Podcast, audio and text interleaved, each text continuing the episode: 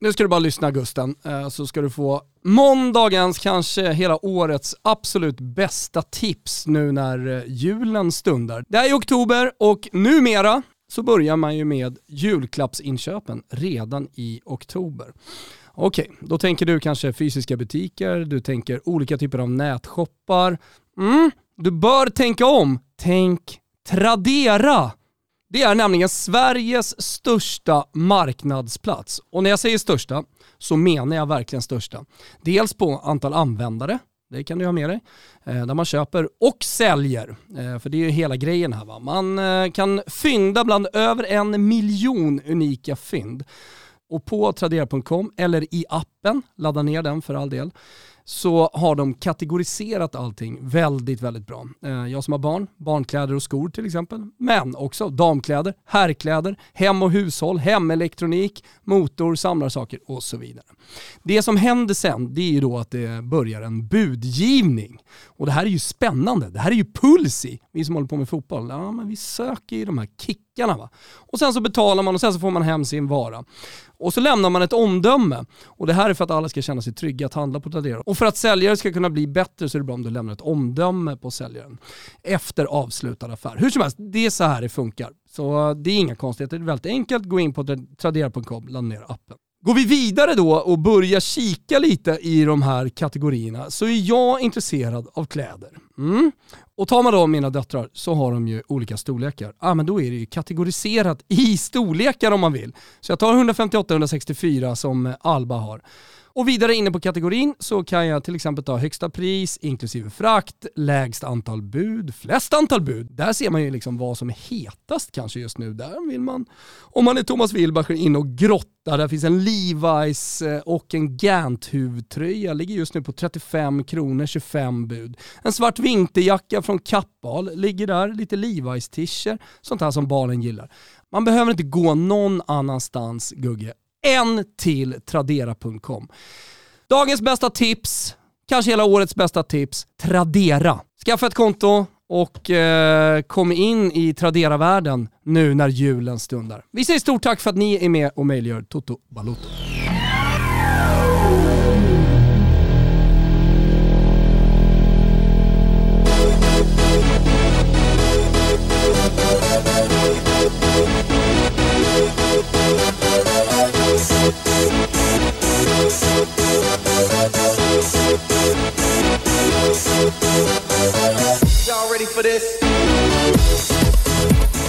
Hjärtligt välkomna ska ni vara till Toto Balutto. Det är eh, torsdag den 21 oktober. Oj oj oj, Robin Avelan fyller år idag. Skänker vi ett grattis här från, från Toto som också fyller år idag. Fan 550 avsnitt Thomas. Vilken mm. jävla maskin. Ja det är en maskin, vi rullar bara på. Kul med Robin.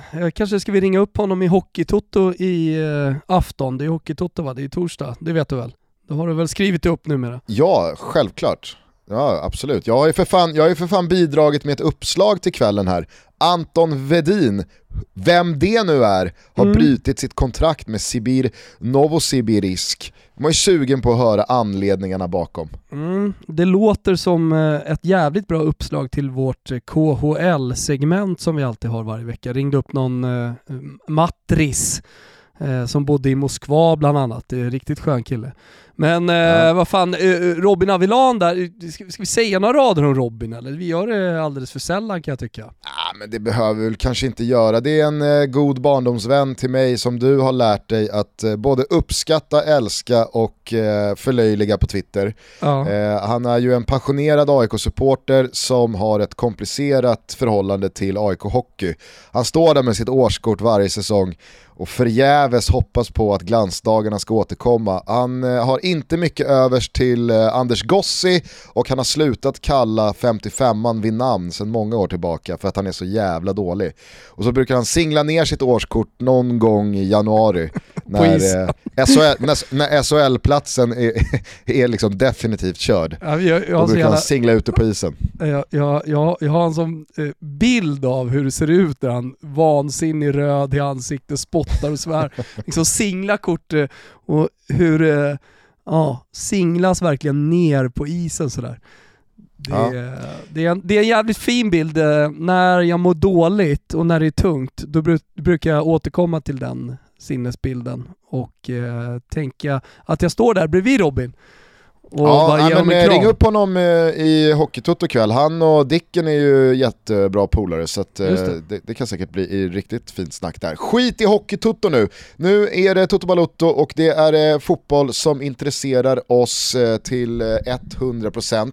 Innan vi kastar oss in i de två dagar av Champions League som precis har avslutat så tänker jag att vi måste börja med en uppdatering i det som eh, ja, hela fotbollsvärlden följer med både popcorn och det största av intresse, nämligen Icardi Wanda Gate. Det har ju mm. hänt en del grejer sen sist. Jag tycker att eh, vi kanske också ska rätta oss själva, eller jag kanske ska rätta mig själv, för att jag har förstått att den här storyn som Wanda skickade ut, där jag då eventuellt slog fast att Wanda inte fattade att hon själv kallade sig för liksom den här ja, slinkan eller skökan eller ja. tiken som Google Translate hjälpte mig med. Eh, det handlade alltså, blev jag upplyst om av våra fantastiska lyssnare, det var då att hon citerade Pampita. Och vem är då Pampita undrar du kanske? Ja, jag vet inte om jag undrar men okej, okay, kör. Det är Anna Carolina Ardoain dos Santos, eh, en eh, 43-årig argentinsk modell, television personality, dancer, television host and actress.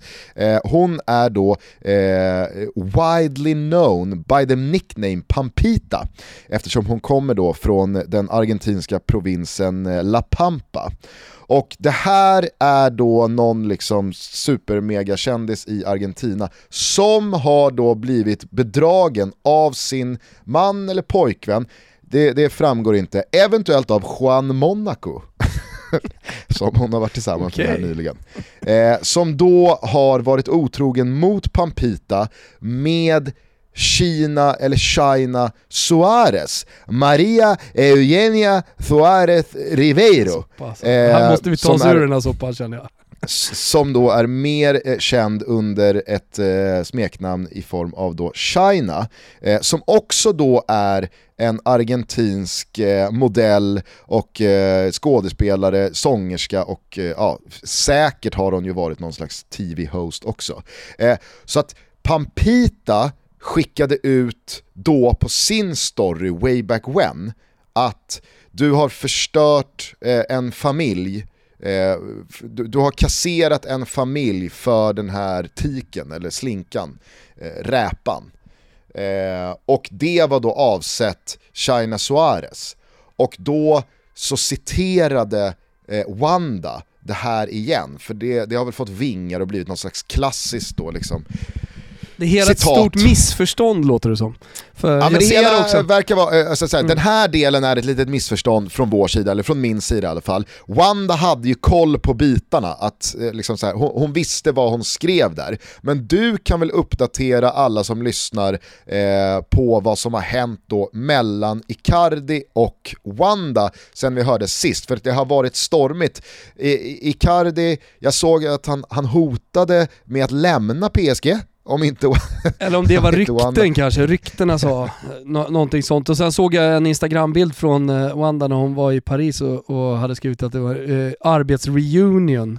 De trabajo, alltså en eh, reunion där och hon jobbar ju tillsammans med, med Mauro Icardi så där kan man ju nästan tro då att eh, hon bara rent strictly business skulle träffa honom. Men nej, sen har det kommit stories och det är hjärtan och det är eh, bilder från de tre senaste månaderna där de har det så romantiskt och fint. Och det är väl härligt att eh, kärleken flödar mellan Mauro Icardi och Wanda Nara. Eh, nu har han ju avföljt alla för att tydligt markera att här är inga problem och följer numera bara Wanda. det, det, det, är väl inget problematiskt? Nej. Det, det, det vittnar om att allt är frid och fröjd. Allt, allt är frid och fröjd. Uh, men, ja, men, det, är ett, det är ett ruskigt power move av Icardi att visa det. Att jag ger upp allting, jag slutar följa alla förutom Wanda. Uh, vi noterade ju alla att Icardi saknades i, i PSGs matchtrupp här mot Leipzig i eh, tisdags, men det verkar ju då i alla fall ha fått effekt. Nu är de av alla sociala medieuppdateringar att döma eh, återförenade. Det är ett kärlekspar. Ja, härligt, underbart. Mm. Eh, om vi fokuserar på det fotbollsmässiga då, där var det inte speciellt mycket Icardi eh, som satte prägel på, på fotbollen. Var vill du börja denna sprakande tredje gruppspelsrunda? Ja, men Ten Hag är väl en bra början. Eh, vi, vi inledde ju ett litet eh, kärleksprat om honom eh, för ett par veckor sedan eller om det var någon månad sedan och jag skickade ut min enorma uppskattning för denna tränare som bara går från klarhet till klarhet. Det är svårt att vara Ajax i den absoluta toppen. Det är svårt att vara i den absoluta toppen men, men det är extra svårt att vara Ajax som inte har de resurser som de bästa klubbarna har. Det är imponerande att Porto Eh, hela tiden lyckas ta sig vidare. Det är mindre imponerande att Shakhtar Donetsk gör det som har ja, men, liknande obegränsade resurser eh, som de största klubbarna såklart eh, med en rik ägare. Men, men det, det som eh, blir imponerande med Porto och Ajax som jag tycker sticker ut det är att det är Eh, ja, det som man slarvigt brukar säga ett sportsligt projekt, men, men, men det finns en plan, det finns idéer, eh, det finns en långsiktighet i allting de gör som uppenbarligen funkar och de klarar av att bli av med de bästa spelarna varje säsong och ändå hela tiden förnya sig. Fast inte bara förnya sig utan man, man fortsätter att spela på samma sätt som man har gjort innan. Man scoutar spelare. Jag såg någon Alvarez som kom in, en mexare i, eh, i Ajax som jag tycker var hur bra som helst. Och det är inte så att man följer den holländska ligan eh, vecka ut och vecka in utan det blir ju när, när det är Champions League Eh, så, så för mig, för vissa kanske det inte var en nyhet, men för mig så var i alla fall hans prestation här i veckan eh, en, en nyhet att han var så jävla bra. Kanske nästa export från Ajax. Men, men eh, håll med om att det, det är otroligt häftigt att Ajax spelar sitt spel. De tar emot Dortmund på hemmaplan, fullständigt pulveriserar dem eh, och man vet att flera av de nyckelspelarna som är bäst just nu i Ajax kommer lämna och kommer gå till större klubbar. Men så länge Ten Hag, Ten Hag är där och sportchef van der Sar så kommer Ajax att fortsätta, kanske inte vara i den absoluta toppen, men de kommer få träffsäsonger där de lyckas så som de gjorde med Delicht, eh, eh, och, och ja, men, lite drömlaget som man trodde eh, när det försvann eller när det splittrades skulle också splittra hela Ajax. Men, men eh, här visar de ju att eh, det, det går alldeles utmärkt att ha den här strategin och ändå eh, finnas med i, i precis bakom den absoluta toppen av eh, den europeiska klubbfotbollen. Ja, och det som är så jävla tydligt när det kommer till Ajax det är ju att när man mister de här supertalangerna eller liksom de, de givetvis går vidare i karriären, för Ajax är ju inte någon slutdestination i form av då De Ligt eller de Jong eller van de Beek gick till Manchester United, ja, då står det ju tusen åter. Alltså, nu, nu är det Jurien Timber 20 bast mittback som har tagit över efter Delicht i, i, i mittlåset. Och på mittfältet så har Gravenbergs exploderat. Alltså, han spelade redan i somras i Europamästerskapet på den allra största scenen.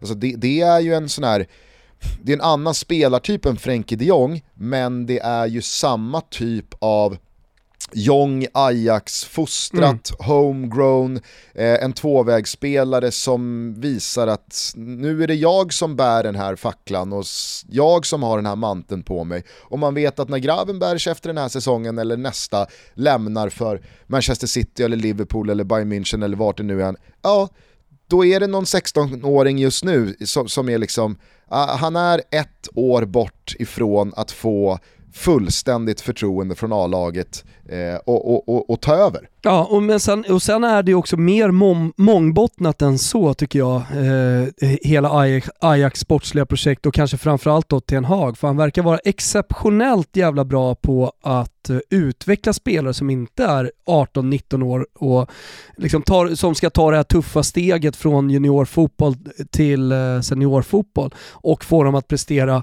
maximalt direkt i Champions League. Eh, men eh, ta Sebastian Aller eh, som liksom inte kommer som en av Europas bästa målskyttar direkt. Alltså han har varit bra, helt, helt, helt okej okay i Frankfurt och Utrecht och sen i West Ham var han väl inte jättebra. Men i, i Ajax så ser han ju helt fantastisk ut. Han är ändå 26-27 bast och han lyckas få ut maximalt av honom. Och, så han, han verkar vara en otrolig spelarutvecklare, Ten Hag. Vi pratade lite om det i studion också i tisdags, att det som också är jävligt spännande med den här upplagan av Ajax är ju just Allaire. För att det Ajax som Ten Hag var så nära att lotsa hela vägen till Champions League-final för lite drygt två år sedan. Det är säkert många som kommer ihåg att man ledde alltså i dubbelmötet med 2-0 mot Tottenham när det återstod typ en halvtimme.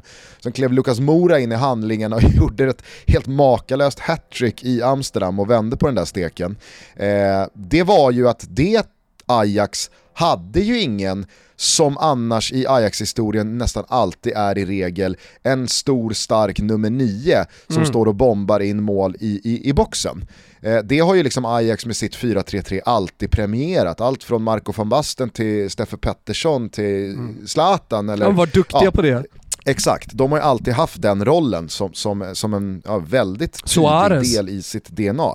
Precis. Eh, Marcus Rosenberg, eh, du har eh, Klaas-Jan Huntelaar, Nikos Machlas, eh, Mido, Nikos Machlas. Trodde man inte att man skulle nämna när man vaknade i morse. Och som alltid när vi, när vi i förbifarten Var nämner Nikos Machlas lite namn. så jävla bra? ja, exakt. Var han egentligen så jävla bra, Nikos Machlas? Ja, Tveksamt. Det fan alltså. Men det är, som, det är som alltid när vi liksom i förbifarten bara nämner lite namn. Eh, då kommer det komma tre namn som vi inte har nämnt på sociala medier. Och menar på, hur Såklart. kan ni glömma detta? Ja, det som i alla fall var häftigt med det där 2018-19 Ajax, som höll på att gå hela vägen, det var att de hade ju inte den där utpräglade målskytten utan det var ju liksom Donny van de Beek som likt Paul Scholes stormade in i, i, i boxen och det var Dusan Tadic från kanten och Frenkie de Jong, så här, Delicht dundrade in hörner och fasta situationer. Nu har de ju adderat den där pusselbiten igen med en, en, en centertank som bombar in mål i boxen. Så det känns ju som att även fast den här liksom eh, gyllene centrallinjetrion vi har nämnt som har lämnat, att de kanske besatt en högre potential och, och verkligen var liksom, ja men topp, toppklass, så är ju laget Ajax, efter den här insatsen mot Dortmund, i alla fall i min värld, kanske, kanske liksom så tydligt på samma nivå sportsligt. Mm. Nej men jag har svårt att se det på, på något annat sätt. Eh, det, det, är klart att man har blivit av med en del spets, men, men som, som vi säger här, alltså dels har man fått in spelare som uppenbarligen håller från egna akademin eh, och från andra klubbar. Så eh, van der Sar har gjort ett bra jobb som sportchef där. Men Ten Hag utvecklar ju hela tiden det här laget också. De blir ju bättre och bättre med tiden. Även om det försvinner spelare så blir laget bättre. Så så länge han är kvar så kan man, lite som med Gasperini i Atalanta, så kan man vara ganska säker på att, eh, att Ajax är en garanti i vissa typer av matcher och på en viss nivå.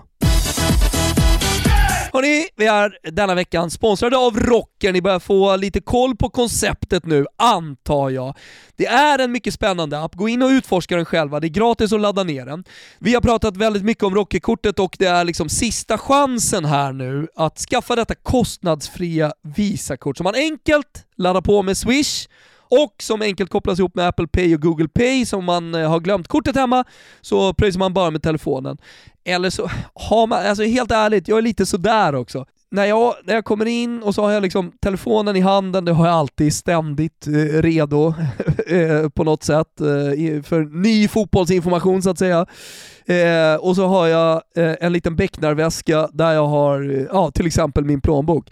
Man orkar ju inte ta upp den äh, men då pröjsar man bara med, med, eh, med telefonen. Och lyssna på det här, man kan även sätta in sin lön på ett sparkonto. Det här är ruskigt smart tänkt av Rocker. Och så får man ränta på pengarna från första kronan. Och så tänker ni, ja men vadå om pengarna tar slut ska jag hålla på att föra över och så? Aha, men Rocker, de har tänkt till här också. De har lanserat den nya funktionen automatisk påfyllning. Vilket innebär att de för över pengar från sparkontot till Rockerkortet när saldot är för lågt. Man kan bestämma själv vilket belopp, eh, som ni kanske förstår. Så till exempel då om kortet hamnar under 500 spänn så fylls det på med 500 kronor från sparkontot. Så slipp stressen med att göra överföringar vid kassan. Använd rockerkortet. Skaffar man det nu och genomför tre köp innan sista oktober så får man 500 kronor på kortet. Kampanjen gäller de 20 000 första nya rockerkortkunderna. Vi säger stort tack till Rocker för att ni är så himla smarta och för att ni är med och möjliggör Toto Balotto. Ja, oerhört imponerande seger av Ajax mot Dortmund, det blev alltså hela 4-0. Det var en jävla... Ja, men tre, tre raka segrar kan vi ju bara summera det med statistik för Ajax. 11-1 i målskillnad och eh, då har man besiktat Sporting och Dortmund i gruppen. Inte den tuffaste gruppen, men fortfarande jävligt tuffa, tuffa matcher. Och Dortmund kommer med Haaland, okej, okay, han är tillbaka från skada ganska nyligen, men ändå, det är Royce och det, ja, men Malen och hela ligan. Möjligt att de saknar någon spelare som jag missar här, men, men eh, det, det är ändå det, det är ett bra Dortmund som kommer till Amsterdam. Ja verkligen, och så dessutom då Sebastian Allaire med sex gjorda efter tre omgångar och i ensamt majestät där i skytteligatoppen. Tydliga segrar även för Manchester City och Real Madrid inte speciellt förvånad över att Manchester City åkte till Belgien och eh, gjorde slarvsylta av Club Brygge. Inte speciellt förvånad på förhand kring det här, vi hade ju en tydlig tanke om att Manchester City ja, men, skulle passa Club Brygge jävligt illa och att de på ett helt annat sätt än vad Pochettino försöker med sitt PSG kan excellera det där att ta tag i bollen, att kombinationsspela sig förbi ett organiserat Klubb och när man väl får in 1-0, ja, men då fyller man på med 2-0 och sen så måste ytorna öppnas och då kommer man liksom glida iväg. Det var ju precis det som skedde. Jag tycker att Manchester City bara fortsätter att övertyga i det vi pratade om senast här, att de håller på att växa in i den här säsongen och som du nämnde att det, det är ett Pep Guardiola-lag som har lärt sig att det är inte i september, oktober man behöver liksom visa allt utan det, det, det, räcker med att bara visa att det finns fler växlar i mm. lådan här, eh, lite här och där. Eh, det, det, är sen i vår det, det, ska presteras på topp var och varannan match. Eh, Real Madrid spelade ut hela registret eh, borta mot Shakhtar och där får man ju ändå säga, trots att ja, De Serbi kvalar sig in i den här turneringen och gör liksom det han, han hämtades in för att göra i och med det. Men eh, fa, fan vad det, det, det, ser, det ser inte roligt ut i Shakhtar. Nej det gör det verkligen inte. Jag har fortfarande inte gjort mål i, i Champions League. Jag trodde att det skulle vara ett annat Shakhtar som eh, skulle ta sig an Champions League. Jag trodde att det skulle vara lite det här Sassuolo-varianten eh, av det Serbis lag eh, som eh, ja, men, spelar en, en positiv fotboll och går framåt. Eh, men, Exakt, men, ska man släppa in fem mot Real då ska man i alla fall göra tre själv. Ja men i, i alla fall försöka. Eh, men eh, det, det, är nästan som att han har blivit tillsagd att spela en viss typ av fotboll som han själv inte står för. För att eh, alla vi som har följt honom vet att det här är inte ett Serbi. Oavsett motstånd. Och det var ju det som var balt med honom tidigare i, i Italien. Att, att han inte hade respekt för någon, utan att han bara körde. Eh, och kan liknas vid eh, Gasperini Atalanta där också. Det de gör kommer vi till men i Manchester igår. Alltså det är helplanspress, det är deras fotboll som de tror på. Går man ifrån det man kan, man, kan, man kan kalla det för naivt när man leder med 2-0 att inte backa hem. Men jag tror det, det finns liksom ingenting annat. De är helt programmerade, Atalanta-spelarna. Eh, så det går liksom inte för dem att ställa om. Och ska de då lära sig det, ska det bli ett annat typ av Atalanta, då tror jag man tappar för mycket av det positiva och pikarna under säsongen som gör att de hela tiden är med i toppen i, i Serie A. Och eh, därför är det, är det väl lika bra att, eh, att förlora med 3-2 och falla med flaggan i topp som man ändå gör. Eh, Inter gjorde sina första mål, tog sin första seger, FC Sheriff åkte på sitt första poängtapp. Det fanns väl inte så mycket mer att säga om den matchen. Jag tycker att Inter kontrollerar den, de skakas ju om lite där efter Sebastian Tills frisparkskvittering, men när Vidal trycker in 2-1 och De Frey fyller på med 3-1 direkt så, så, så hann det ju aldrig bli liksom så här patsa Inter-skakigt utan jag tycker man vinner den där matchen både rättvist och ganska så kontrollerat. Eh, Porto, alltså herregud, vilket övertag och vilken dominans. Det var som att Sergio Conceição och Pepe och gänget hade liksom tittat igenom Milans lag och känt att nej men de saknar för många ledare, för många tunga spelare ute på den här plan. Tryck bara gasen i botten, tryck ner dem i Tatarosanos knä så kommer de inte därifrån. Det här var ju en match som hade kunnat sluta 3-4-0. Ja, definitivt. Alltså. Det, var, det var lite som att luften gick ur. Alltså, de, de eh, vann den här matchen i helgen. Max presterade faktiskt, även om det inte såg jättebra ut, eh, utifrån de förutsättningar de har med alla, alla spelare som man har på sjuk och skadelistan. Eh, dessutom ska ju också sägas att det är spelare som kommer tillbaka från skador och sjukdom, typ Giroud som har haft corona, Zlatan som har varit skadad länge. Eh, och även om det är fantastiska fotbollsspelare så kan man inte förvänta förväntar sig att de ska gå in och spela sin bästa fotboll. Eh, men, men framförallt så tycker jag att verkligheten kommer ikapp Milan i den här matchen.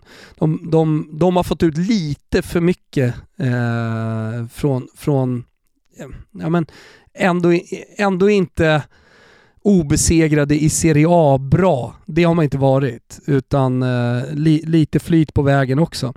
Eh, däremot så, så, kommer det ju bli en jävla sving för dem när alla kommer tillbaka, för det, det, det är inte så många långvariga skador, skador. Eh, utan det, som sagt, corona, det, de spelarna är tillbaka snart, kanske till och med till helgen. Och eh, de skadorna som man har, eh, förutom på Manjandos, men, men jag tror inte att, jag tror att Tatarusano ändå klarar av att stå emot eftersom Milan ändå har ganska mycket boll. Och eh, men, det, det, men de, de överlever det här, eh, men i en match i Champions League mot Porto som alltså uppenbarligen är jävligt bra, även den här säsongen. Och framförallt har mycket mer erfarenhet än vad Milan har av, eh, av spel i Champions League. Eh, då, då, ja, men då blir det tufft. Tyckte Peppe sa det ganska bra också efter matchen, att den där liksom, storförlusten mot Liverpool i omgången innan, det blir ju någon slags tändvätska för Porto att visa alla som tittar på att sådär dåliga är inte vi. Alltså det, det var sånt jävla fokus från Porto i den här matchen. Ja men exakt, och det är väl erfarenheten. Alltså fokuset. Eh, sättet man tar sig an matchen. Det, det, det är nog väldigt mycket där eh, man konkret kan prata om erfarenhet. Men du, eh, under coronasäsongen så var det ju väldigt mycket Liverpool som var liksom det mest skadeskjutna laget i hela Europa. Real Madrid har väl prenumererat på den titeln i något slags femårigt perspektiv. Eh, det var väl någon som sammanställde att Real Madrid hade haft typ 142 skador eller någonting senaste två säsongerna, tre säsongerna. Jag vet inte, men, men är det bara jag, alltså så här, har Milan tagit över den positionen eller är det inte märkligt mycket frånvaro i Milan i snart, ah, är vi uppe i ett och ett halvt år nu? Eh, jo, det är sant. Det är inte mycket Milan-labb. Nej men jag, jag, tycker, alltså, när jag går tillbaka i mitt huvud så känns det som att liksom så här, brasklappen och disclaimern bredvid Milan med att de har så många skador och sjukdomar och Alltså det, det, känns som att så har det låtit nu i ett och ett halvt år. Ja. Eh, alltså det kan ju det kan dels ha att göra med alltså, spelarna eh, som man tar in. Eh, för, för, för, det kan ju faktiskt vara så. så ta Simon Kjär till exempel, så är det en spelare som de senaste åren har varit ganska skadedrabbad. Eh, sen kan det ju såklart, jag man skulle kunna koka ner i att eh, de tränar på ett visst sätt eller sådär. Eh, men, men sett till resultaten så har man ändå klarat det ganska bra. Absolut har man gjort det, men det, det, det, måste ju vara så frustrerande att som Milan då som har i nästan tio år med ljus och lykta försökt återvända till någon slags eh, toppnivå av den både italienska och europeiska fotbollen. Till slut är man tillbaka i Champions League, men väl där, ja men då är Zlatan skadad, Giroud är out, Kessi eh, kommer tillbaka skadad från sommaren, Theo Hernandez skadad, Menjan skadad, Kjär dras med skador. Alltså det, det, det blir liksom... Mm. Re Rebic skadad, så här. ja, Ja, ja, då är det klart att man står på noll poäng efter tre omgångar. Och man adderar lite corona på det där också, alltså, det är väl inte hela bilden. Eh, men, men eh, jag, jag, tror, jag tror att man är inne i en i en tuff period där man har matchat väldigt tufft också i ligan. Alltså vi pratar om de här sju matcherna på 21 dagar. Det, det, det har nog mycket med det eh, att göra snarare än något annat och sen så boostar corona hela bilden så man tror att det finns ett större problem än vad som egentligen finns. Noll poäng efter tre matcher är i alla fall Milans facit. Det är det också för Emil Forsberg och Jesse March. Leipzig, förlust borta mot PSG 3-2. Kanske inte förvånande i sig, men fan vad surt. Jag tyckte de var riktigt bra alltså, Leipzig. Ja, jag, jag tycker också det. Men det, där, där, faller man ju också på lite lätthet, lite brist eh, på erfarenhet och eh, brist på spets. Eller inte brist på spets, men att det andra laget har bättre fotbollsspelare. Och det kan man också förlora fotbollsmatcher på. Det, det, och det, det, problemet är ju eh, alltså sitsen man har satt sig, eller vad man ska säga. Alltså, det, är väl, det är väl hela upplägget med att spela sex stycken gruppspelsmatcher och det gäller att ta poängen. Och Helt plötsligt står man där i tredje omgången och har kniven mot strupen. Ja, och sen så kan jag tycka, alltså, i, i, i tider av ständigt tjat om taktisk flexibilitet och du pratar här om Atalanta, att ja, men ska man förlora så ska man i alla fall förlora som sig själva och vi, vi, vi har lite veckade pannor kring vad fan De Serbi försöker implementera för fotboll i Shakhtar och så vidare. Men blir det inte lite väl tydligt i en sån här match att när Leipzig måste vinna, alltså man skulle ha slagit Klubb på hemmaplan, men nu har man de där tre poängen i sin hand i andra halvlek borta mot PSG. Men det finns varken identitet eller förmåga att sätta sig lite djupare, att dra tillbaks trupperna och att spela på resultatet och sätta liksom defensiven i första rummet och prioritera den för att liksom låta klockan gå och vinna på det sättet. Men det finns heller inte tillräcklig kvalitet i de offensiva leden för att borta mot PSG då gå upp och döda matchen med ett 3-1 mål. Så det kändes lite som, alltså så här, de, de, de, skulle straffas av att de var ett Jesse March-lätt Leipzig när man i ledning med en halvtimme kvar bjuder på ytor mot Mbappé, mot Messi. Och så, alltså det, det, det var liksom Alltså det, det, var, det var så givet att det här kan inte Leipzig knyta ihop. Nej, Eh, men, eh, men det, det, blir lite för stort för dem också. Alltså, i, och med att, I och med att PSG från den första halvleken, från egentligen hela hösten har så jävla många växlar till.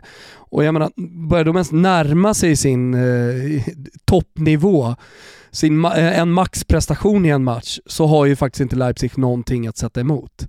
För det finns så mycket individuell skicklighet och, och, det, och det, det räcker med det. och det, det, det är väl egentligen det som händer kan jag tycka. Mm. Ja, nej, det var... Det var... Jag, jag, jag blev liksom så här både, både brydd, men också satt jag och nästan nickade när Leipzig i 2-1-ledning bjuder på de ytorna de gör ja. mot Mbappé, mot Messi. Så här, Fan kan jag, ja jo men det ska mm. ni ändå, ja Nej, men så här, ibland, ibland, tror jag, ibland tror jag som din brorsa skrev, eh, som i Chelsea-Malmö FF-matchen, att det, det, går, man kan inte förklara allting i taktik eller att man borde ha gjort så eller borde ha gjort så. Ibland är man bara helt enkelt sämre spelare för spelare. Alltså oavsett vad Malmö FF gör i sin box så kommer de åka dit på baklängesmål för att Chelsea-spelarna är mycket bättre. Alltså, nu vart ju Lukaku skadad, men Lukaku slaktar Frans Brorsson varje träning om de tränar ihop. Och det kommer, han, det kommer han över 90 minuter förmodligen med största sannolikhet också att göra. Precis som med, med, Messi, med Messi, Mbappé och ligan på planen. Ja, men de kommer eh, sprattla till några gånger under den här matchen och sannolikheten är jävligt stor att de får in eh, två, tre, till och med fyra mål. Och, och, och i, ibland, ja visst, bjuder på ytor kanske. Så här. Jo men det, det, det är också fotboll. Alltså, ytor kommer att uppstå. Det är två lag på planen. Och, och ibland är det inte svårare än att det ena laget faktiskt eh, är bättre än det andra. Som i det här fallet. Absolut, men man måste ju kunna, man måste ju kunna liksom göra skillnad på rimlighet i att vissa ytor Absolut. uppstår när man leder med 2-1 i en match man måste ta poäng i, kanske rent av måste vinna, kontra att ytor uppstår när du då måste jaga ett resultat och du Självklart. måste liksom ja, men där dra kan upp du den där filten över hakan och blotta, blotta fötterna. Ja, men så, absolut, det, självklart, självklart. Men sen så tror jag att varje lag har sin identitet också och den är svår, svår att gå ifrån. Eh, och jag, jag, jag, tror att ja, Leipzig, Atalanta, Dortmund, Salzburg, alltså den typen av lag eh, som kanske inte är, är bäst i Europa, men har nått framgång genom att spela sitt spel. Alltså det, det, är no, det, det, det, måste man också, då, då, måste man kanske bjuda på lite ytor ibland.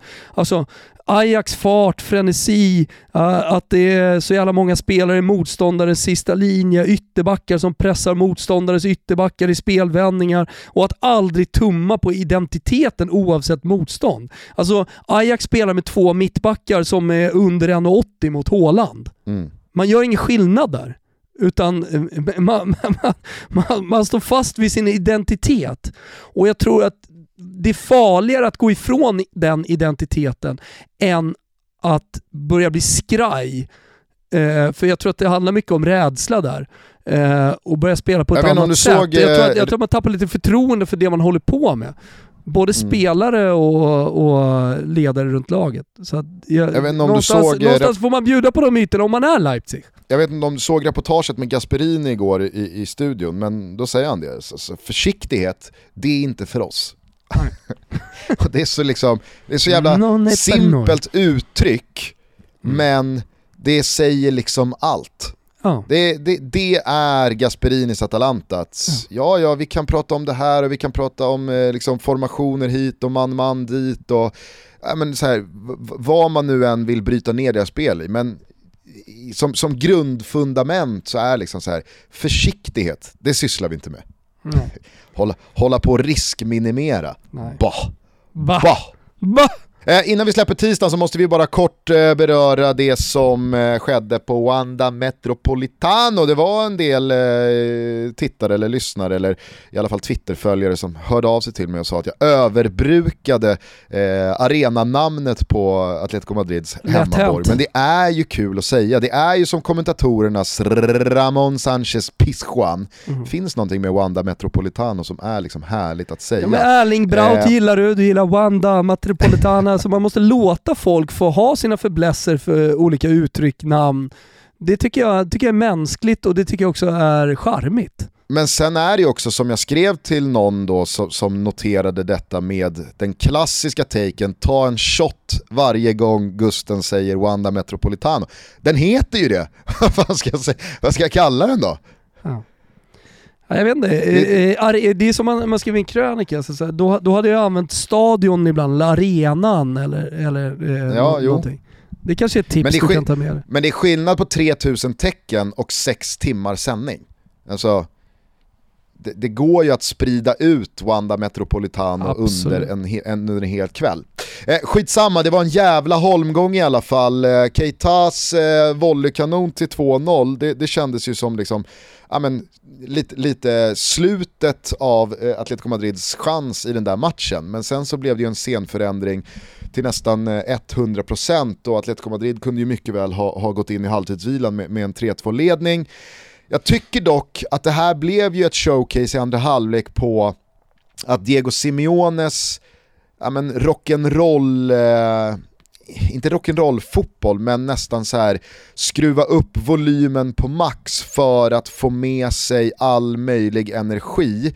Att det inte alltid blir bra Jag tycker Kim Källström i studion verkligen satte fingret på det, att Diego Simeones både kroppsspråk och, och, energi på linjen och att han står och vevar mot publiken och att han ska ha med alla, det är väl en direkt konsekvens till att Hermoso går in som han gör mm. i duellen med Diego Jota. Helt i onödan, han är så jävla uppumpad, han är så uppeldad mm. i det där läget att han spelar ett idiotiskt försvarsspel och bjuder Liverpool på en straff men, men som är, är helt onödig. Där? Men är det inte samma där då? Uh, att det, det, finns en identitet som kommer från tränaren. Om det är fart och frenesi från Ten Hag uh, så är det att gå in maximalt i precis alla dueller från uh, Diego Simeone. Det har man vunnit på det senaste decenniet decenniumet.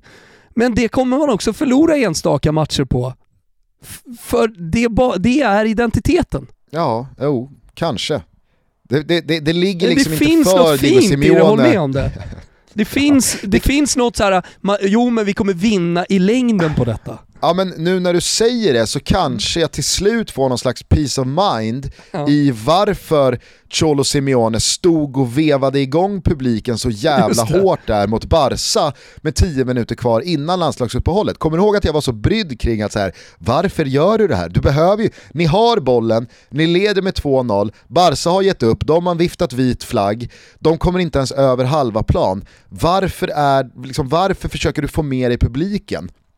Det kanske är som du säger, ha, han vill inte ha det på något annat sätt. Nej, och jag tror inte det. Och jag tror, jag tror att det väldigt mycket handlar om identitet. Och jag tror att när, ett en klubb och ett lag förlorar sin identitet, då är det kört. Det måste vara med. Även, det, det måste komma förluster på identiteten också. Det är okej. Okay. Mm. Sen kanske han borde skruva lite på sin identitet och sitt sätt att liksom avsluta matcherna.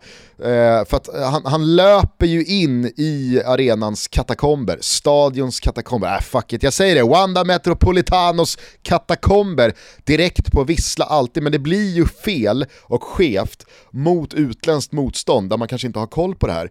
Klopp är ju där med hummen och liksom så här, vad fan, kan du inte ens tacka för matchen? Och då blir ju Klopp irriterad och uppeldad. Och så kommer någon spansk eh, journalist, reporter efter matchen och frågar om det här och så ska Klopp bli liksom eh, väldigt osympatisk i någon intervju.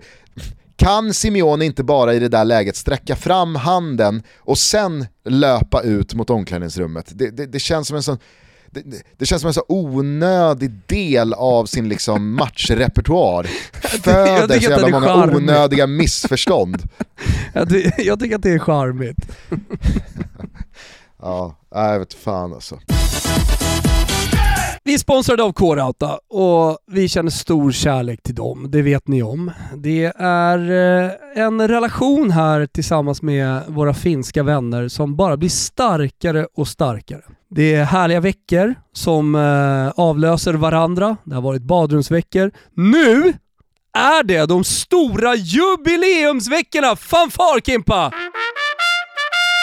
Ja, men nu slår de på stort med en massa fina erbjudanden för att K-Rauta fyller 25 år i Sverige i år. Och det firas med drömpriser på mängder av varor, både i varuhuset och på korauta.se. Glöm nu inte bort, och jag kan tycka att det är lite extra fint, eh, att gå med i K-Rautas kundklubb när de firar 25 år i Sverige. Och då får man ju, som ni känner till, tillgång till ännu fler grymma rabatter och erbjudanden.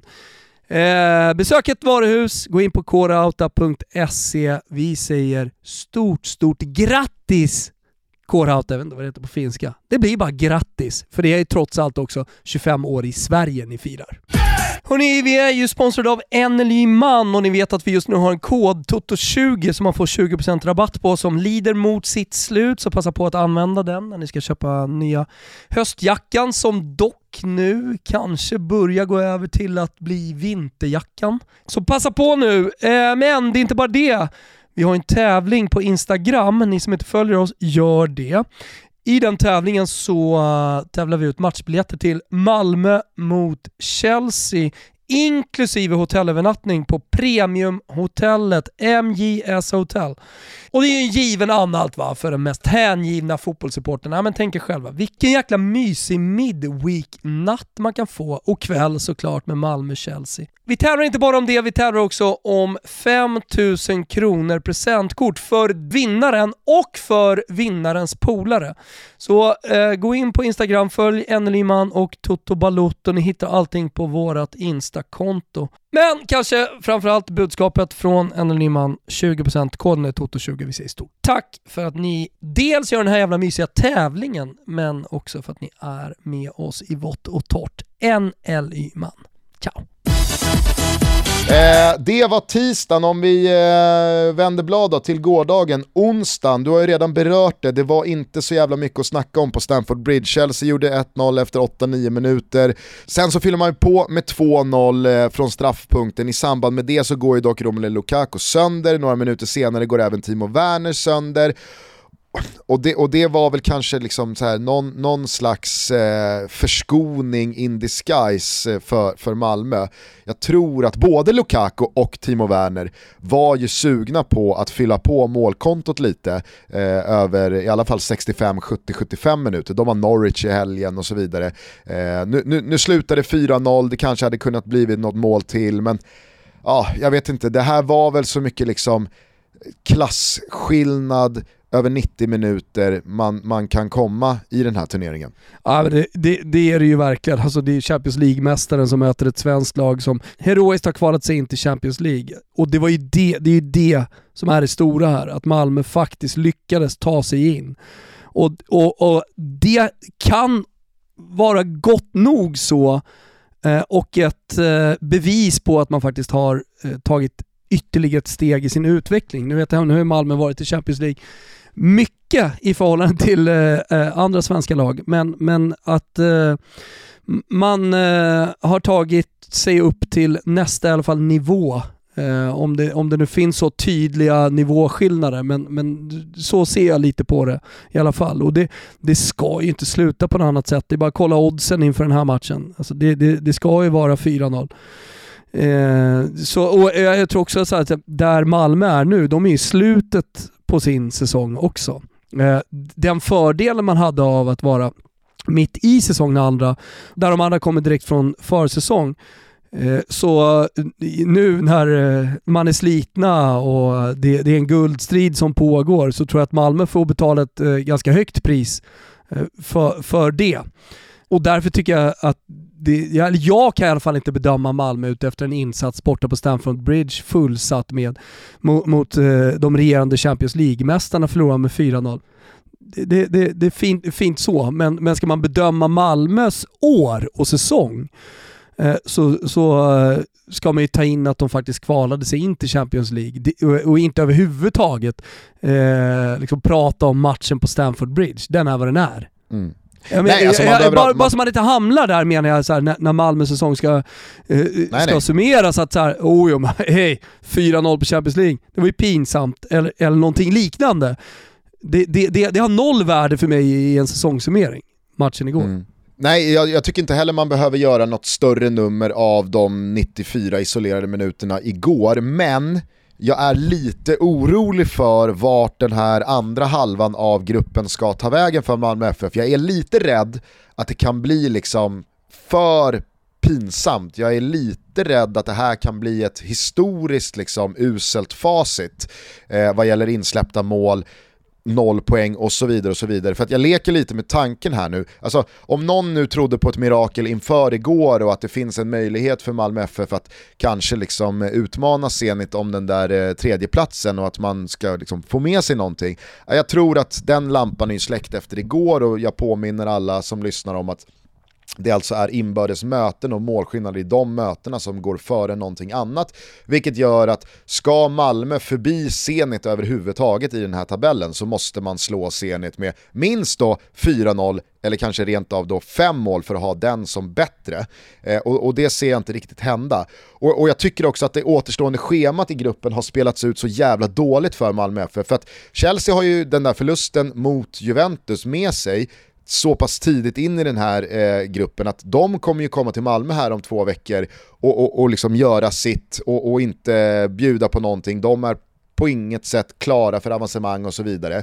Så att där möter man ju Chelsea på hemmaplan i helt fel läge. Sen kommer då Zenit, för att jag förutsätter att eh, Zenit kommer få det tufft borta mot Juventus parallellt då med Malmö-Chelsea. Ska då Zenit ge liksom avancemanget och andra platsen en sista chans?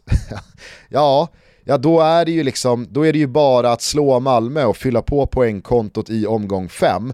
Och mm. då, när vi kommer fram till den sjätte och sista avslutande omgången när Malmö möter Juventus i Turin, då kommer ju Juventus, förmodligen efter att ha haft det lite jobbigt på Stamford Bridge borta mot Chelsea, gå för gruppsegen och den ska mm. ju inte underskattas i och med att man då får börja borta i åttondelsfinalerna. Exakt, eh, framförallt det. Vet, man vet ju aldrig vilka man möter och förmodligen kommer det finnas Nej. fantastiska tvåor som man riskerar att eh, få i åttondelsfinalen. Men, men just det som du säger här tycker jag man glömmer bort ofta. Att börja på bortaplan. Mycket, mycket större faktor. Så det finns liksom så oerhört få faktorer som talar för att Malmö liksom ska, ska, ska bjudas på någonting här eh, i de tre avslutande matcherna. Och, och, jag menar, nu, nu måste, det märkte man ju igår på Jon Dahl Tomassons byten, jag menar, han byter till och med Johan Dalin i halvtid för att målvakten inte ska riskera att gå sönder här inför guldstriden. Nu är det ju fullt fokus och det ska det vara, helt rätt tycker jag på att Malmö ska försvara guldet, man har ett tufft schema, man har ett jävla intensivt schema och ska man på något sätt ge Champions League och Europa League chansen igen nästa år så måste man vinna det där guldet för att andra platsen, tredjeplatsen och cupvinnarplatsen i Sverige går numera bara till Conference League. Ja. Så att vill man spela Champions League eller enda, Europa League igen det, så ja, måste man vinna enda, guld det, det enda som är det är att om man vinner mot Zenit, man tänker att Zenit torskar rätt ut då, de, de sista matcherna, Malmö vinner över Zenit.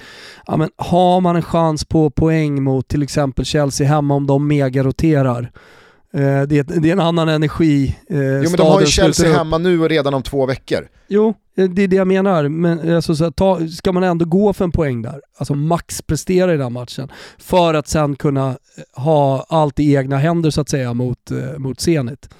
Ja. Ja visst, jo det, det, det, är väl en tanke. Å andra sidan... Men det är en tanke är... och det, det är i så fall en prioritering som kan bli jävligt dyr. Ja, och det, det, är då liksom en, en match hemma mot Chelsea tre dagar efter en vecka med Varberg borta, AIK hemma, Sirius borta, fyra dagar innan Göteborg borta. Så att, jag vet inte, jag, jag, jag hör vad du säger, men även, även fast Malmö skulle liksom ladda för en maxprestation, jag har, så jävla, jag har så jävla svårt med gårdagens match på näthinnan.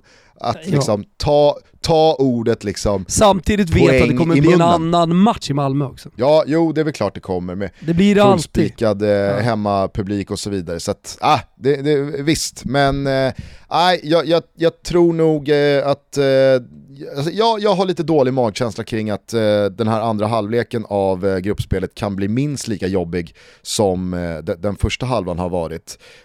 Och nu börjar det ju liksom florera siffror från Bate Borisov och andra liksom rekordinnehavare eh, som man inte liksom vill ska dras upp här nu när det återstår tre matcher.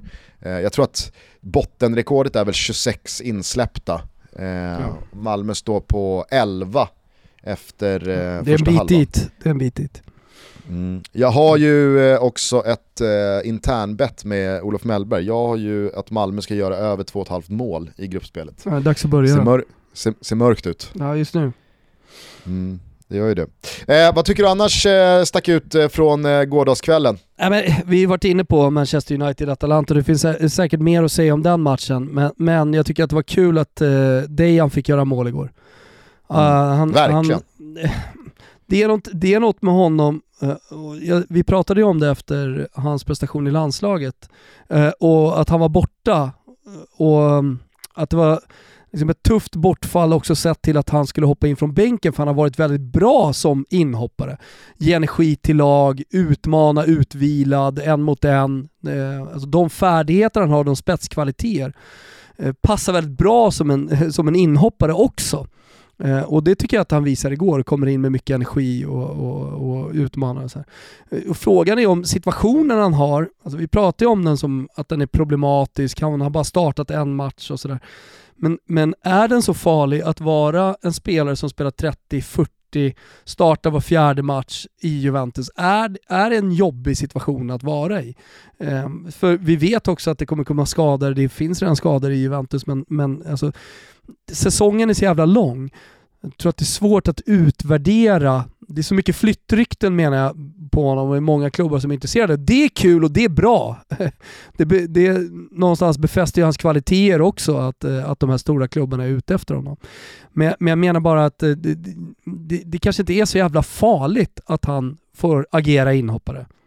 Han gör det ju så jävla bra som inhoppare tänker jag. Ja, fast i Juventus så har väl de här inhoppen hittills den här säsongen också varit snarare helt okej okay än bra. Exakt. Han har liksom inte närmat så här långt, sig så här startelvan. Ja. Därför var ja. det kul att han, han gjorde mål igår och mm. liksom på något sätt kom tillbaka till det han uh, har varit under hans korta karriär med Parma och med, med Juventus.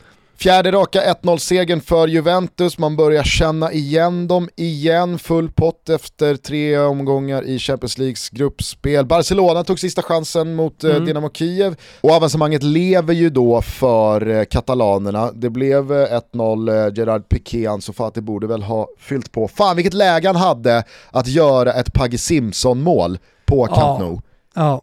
Men den, den tiden är väl förbi. Det är en ny generation här nu. Är, ja, man vet ju att han tänker ju inte ens Pagge-tanken. Nej, han gör ju inte det. Alltså, och då pratar vi om det vi, typ av... det vi tillsammans med Johan Mjällby tror jag i, i Toto Valutos linda utsåg till fotbollshistoriens bästa mål någonsin. När Pascal Simpson i AIK borta mot eh, Barcelona i cupvinnarcupen 1997 trycker in boll och målvakt som är Sergio ja, Busquets farsa. Man brukar va? lite klyschigt säga, säga liksom. motståndarboll, allt ska in i mål. Han trycker in allting i nätet med en glidtackling. Lasse Kink går upp i falsett. Och, ja, det, var, det var bara liksom så här. Det, det är ett otroligt mål. Det läget gavs Ansu Fati igår, men han tänker ju inte ens tanken nej, nej, att bara stoppa in allt han har där. Eh, men Barca vinner ändå. Bayern München fyllde på med 4-0 borta mot Benfica, ser ju otäckt tunga ut. Ja. Eh, Leroy Sané med jätteinsatsen. Mm. Annars är ju liksom den, den stora grejen, eh, vi har ju snuddat vid det redan, men att United vänder och vinner igen, Ole Gunnar Solskär räddas återigen av Cristiano Ronaldo, man hade ju bollat upp det återigen som att nu går Ole Gunnar Solskär in i en ödesperiod, tre jobbiga, dåliga resultat här nu, ja men då kan, då kan de inte fortsätta hålla honom bakom ryggen. Eh, vi sa ju här i senaste avsnittet att nu, vi, ska inte, vi ska inte hålla på liksom, eh, nu, nu, kan man inte kritisera Ole längre, utan nu måste all kritik riktas mot de som låter honom hålla, så låta honom sitta kvar. Eh, men efter den där Leicester-förlusten, ja men den här första halvleken mot Atalanta, underläge 2 det är så dåligt, det är så jävla liksom så här, men det, det, Pogba sitter på bänken, Sanchez sitter på bänken, eh, ingenting hem. Fy fan, och så blir det liksom den här vändningen igen. Ja. Och Ole Gunnar Solskjaer står efter matchen. Man måste ha med sig är en som säger att den första halvleken var bra. Jag blir så jävla provocerad. Mm. Men, men eh, det, det, det, är också en match de vinner och de vinner mot Atalanta. Det är inte City hemma. Det är inte PSG nej, hemma men, som de vänder och vinner vet... mot. Det, nej men, eh, alltså så här, nu, vissa kanske höjer den här prestationen. Är du med? Vi, Nej men de kanske inte höjer tycker, prestationen, men nej, men Det var ju några som var lite vändningen... sura på det igår för att de tyckte att, eh, alltså Manchester United, alltså av våra lyssnare, inte alls var sådär dåliga eh, som, man försökte, som ni försökte måla upp det i studion i den första halvleken. Alltså det finns ju fortfarande dem, därför vill jag bara slå fast det att man vinner hemma, man ligger under med 2-0 och man räddas av Cristiano Ronaldo. Visserligen, nu finns han i Solskärs lag så det är inget att be om ursäkt för. Eh, men eh, men det finns ju de som faktiskt inte tycker att eh, prestationen var sådär genomusel. Eh, Nej, och då, kanske då vill, inte. Då vill, jag, då, då, då vill jag bara slå fast att det är ett provinslag från Bergamo som besöker dem. Mm, precis, men det vändningen och vinsten och de tre poängen och upp i topp i Champions League-tabellen ger Ole Gunnar Solskär och Manchester United, men kanske framförallt Solskär, det är ju att det, det ger honom en, en krockkudde som annars inte hade funnits inför Liverpool-matchen till helgen. Nu kan ju United förmodligen förlora på söndag och det kommer inte kosta honom jobbet. Hade man torskat igår mot Atalanta, då hade det inte funnits någon livlina eller krockkudde eller liksom marginal att, att eh, landa i. Eh, det, det, hade inte funnits liksom en, en ledning i eh, Champions League-tabellen att hänvisa till att jo, jo, men ni kan ju inte sparka mig när det går så här bra i Champions League. Och det är ju det som blir lite, liksom, man, man köper sig den här tiden igen som man uppenbarligen inte gör någonting av. Det har gått tre år nu. Det, det, det kommer, det, kommer inte bli men bättre vi landar ju alltid där. Vi landar ju ja, alltid jag där. vet. Ja, det, det, det, det, det är vad det är. Får se. Vi kanske bara ska stänga eh, Champions Leagues tredje gruppspelsrunda. Ja. Tack till alla som eh, kollade på studion tisdag, onsdag, väldigt roligt. Eh, och så kan vi istället blicka framåt då mot söndagen som är, är det supersöndagarnas supersöndag? Ja men så brukar man alltid säga för att de är alltid fantastiska när de kommer. Men, men det, jo det men den här gången är det ju någonting... Ja men dra, dra allt upp och ner här nu då, vad, vad, vad är det egentligen? Nej, men från Premier League så har vi redan nämnt, det är Manchester United mot Liverpool. Högintressant alltid i och med den rivaliteten och, och, och eh, insatserna som brukar finnas i, i, den matchen. Från Frankrike, Le Classique, Marseille mot PSG. Mm. Inte trist att ha 2045. Eh, från Italien så är det ju då först eh, solderbyt, Roma mot Napoli 18.00 innan då Derby d'Italia 2045, Inter mot Juventus. Ja, som betyder otroligt mycket för båda de två lagen som har halkat efter. Inter med torsk senast, eh, Juventus som måste bara liksom fortsätta sin klättring uppåt. Eh, de har väl en 6-7 omgångar kvar av raka segrar innan de blandar sig i någon slags toppstrid igen. Då måste, ja. då måste Milan och Napoli förlora. Jag, jag, tror att Milan kommer tappa lite poäng här nu kommande två månader. Jag är lite mer osäker på om, om Napoli kommer göra det. Guldstriden i eh, Allsvenskan går ju vidare. Elfsborg möter Sirius, Gnaget möter Peking och Malmö möter Varberg. På det så åker Göteborg till Listerlandet och ska försöka ta poäng av omöjliga Mjällby. Bayern möter Östersund, så att jag menar det, det, det sprakar om Allsvenskan. Men från Spanien, det är ju liksom vad som än sker, när det är El Clasico mm. så är väl ändå det epicentrat. Ja men det brukar väl eh, benämnas som världens största match eh, rent intressemässigt. Jag vet inte om det ligger någon sanning i det. Eh, det har säkert bekräftats och kunnat förklaras med siffror. Men så är det ju. Det, det, det är enormt och återigen där då, liksom var, var Barca har varit det senaste året och med, med alla deras problem så, så spetsar ju det till den här matchen ytterligare. Ja, verkligen, och jag menar Barcelona kan ju efter Valencia-segern och Dynamo Kiev-segern ge sig själva chansen här nu att verkligen Exakt. få ordning sportsligt på den här säsongsinledningen, slå Real Madrid här nu och ha Dynamo Kiev i, i, eh, i, i fjärde rundan i, i, Champions League samtidigt som Benfica ska åka till München. Alltså, då, då kan det helt plötsligt se ganska bra ut. Det var läge för Barca-seger och lilla, lilla rycket för Real Sociedad i toppen. La Fuga. Precis, för 21.00 då så är det Atletico Madrid mot Alexander Isaks Real Sociedad. Isak väntar på första kassen för La Liga-säsongen. Atletico Madrid ska studsa tillbaka efter Liverpool-förlusten. Ja, men alltså, det är sån jävla ja, supersöndag så alltså, det finns fan inte. Supersöndagen summeras med att det blev Real Sociedad supersöndag som vinner borta mot Atletico Madrid. Barca vinner sin match och Sevilla tappar poäng hemma mot Levante. Så helt plötsligt står de där med liksom fem poängs fördel i La Liga. Det hade ju varit någonting Gugge. Och du, eh, ser jag också här nu, för dig som är eh, helt nyförälskad i Ajax igen, så är det ju Ajax PSV från eh, Holland också. Ah, ah, det är otroligt. Det är för jävla söndag ah. alltså. Vi drar igång Fotbollssöndag Europa som jag här och nu döper om till Fotbollssupersöndag Europa 15.30. Och så är mm. det då i tur och ordning Barcelona, Real Madrid, det är Roma, Napoli och sen är det då Inter, Juventus. Vi håller på någon gång till typ halv tolv, kvart i tolv. Ah, jag vet inte, ni får helt enkelt bara hänga på på Simor. Eh, det ska bli jävligt roligt i alla fall. Det här är ju sådana här dagar som inte kommer speciellt många gånger per eh, halvlek av en säsong, så att, eh, det är bara att spänna fast sig.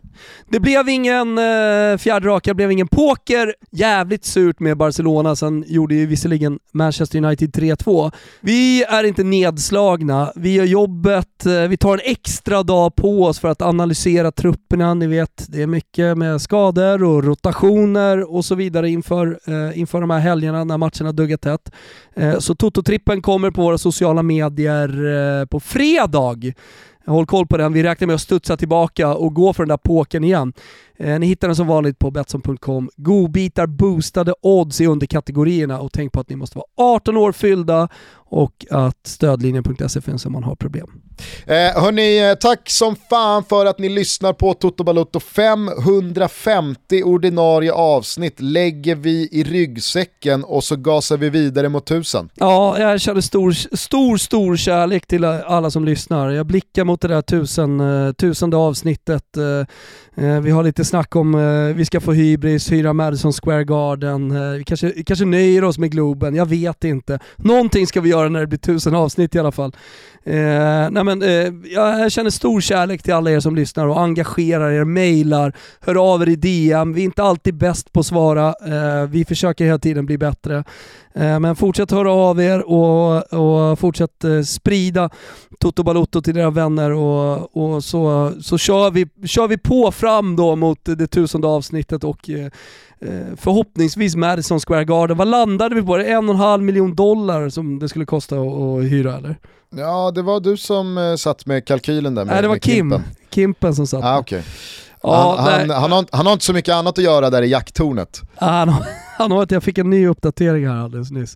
Det var någon som skrev det, för det hade varit kul om det gick en eld där bakom. Han har missat den också när Enken kommer. Stor jävla tolvtaggare. Vi... Eh vi fortsätter att följa Kimpas eh, jakt på en eh, levande varelse runt hans älgtorn. Vi fortsätter att följa soppan mellan Mauro Icardi och Wanda Nara. Och så kan man alltså få höra vad Anton Vedin egentligen hade för anledning att bryta sitt kontrakt med Sibir Novosibirisk i kvällens Hockeytoto om man vill, vågar och kan va? Äh, men det är underbart. Och vet du vad man gör nu efter? Man lurar sig själv att det är sommar, så tar man en sommar-Pepsi. Man lägger ner en eh, liten citronskiva och så lite, lite is. Och så häller man upp sprakande Pepsi Max. Eh, och så lurar man sig själv att det fortfarande är sommar. Eh, så tar vi oss an den här härliga helgen, eller hur Gugge? Det gör vi. Hörni, ta hand om varandra så hörs vi på måndag igen. Ciao tutti! Ciao tutti! Jag vet att du tvivlar på din värld.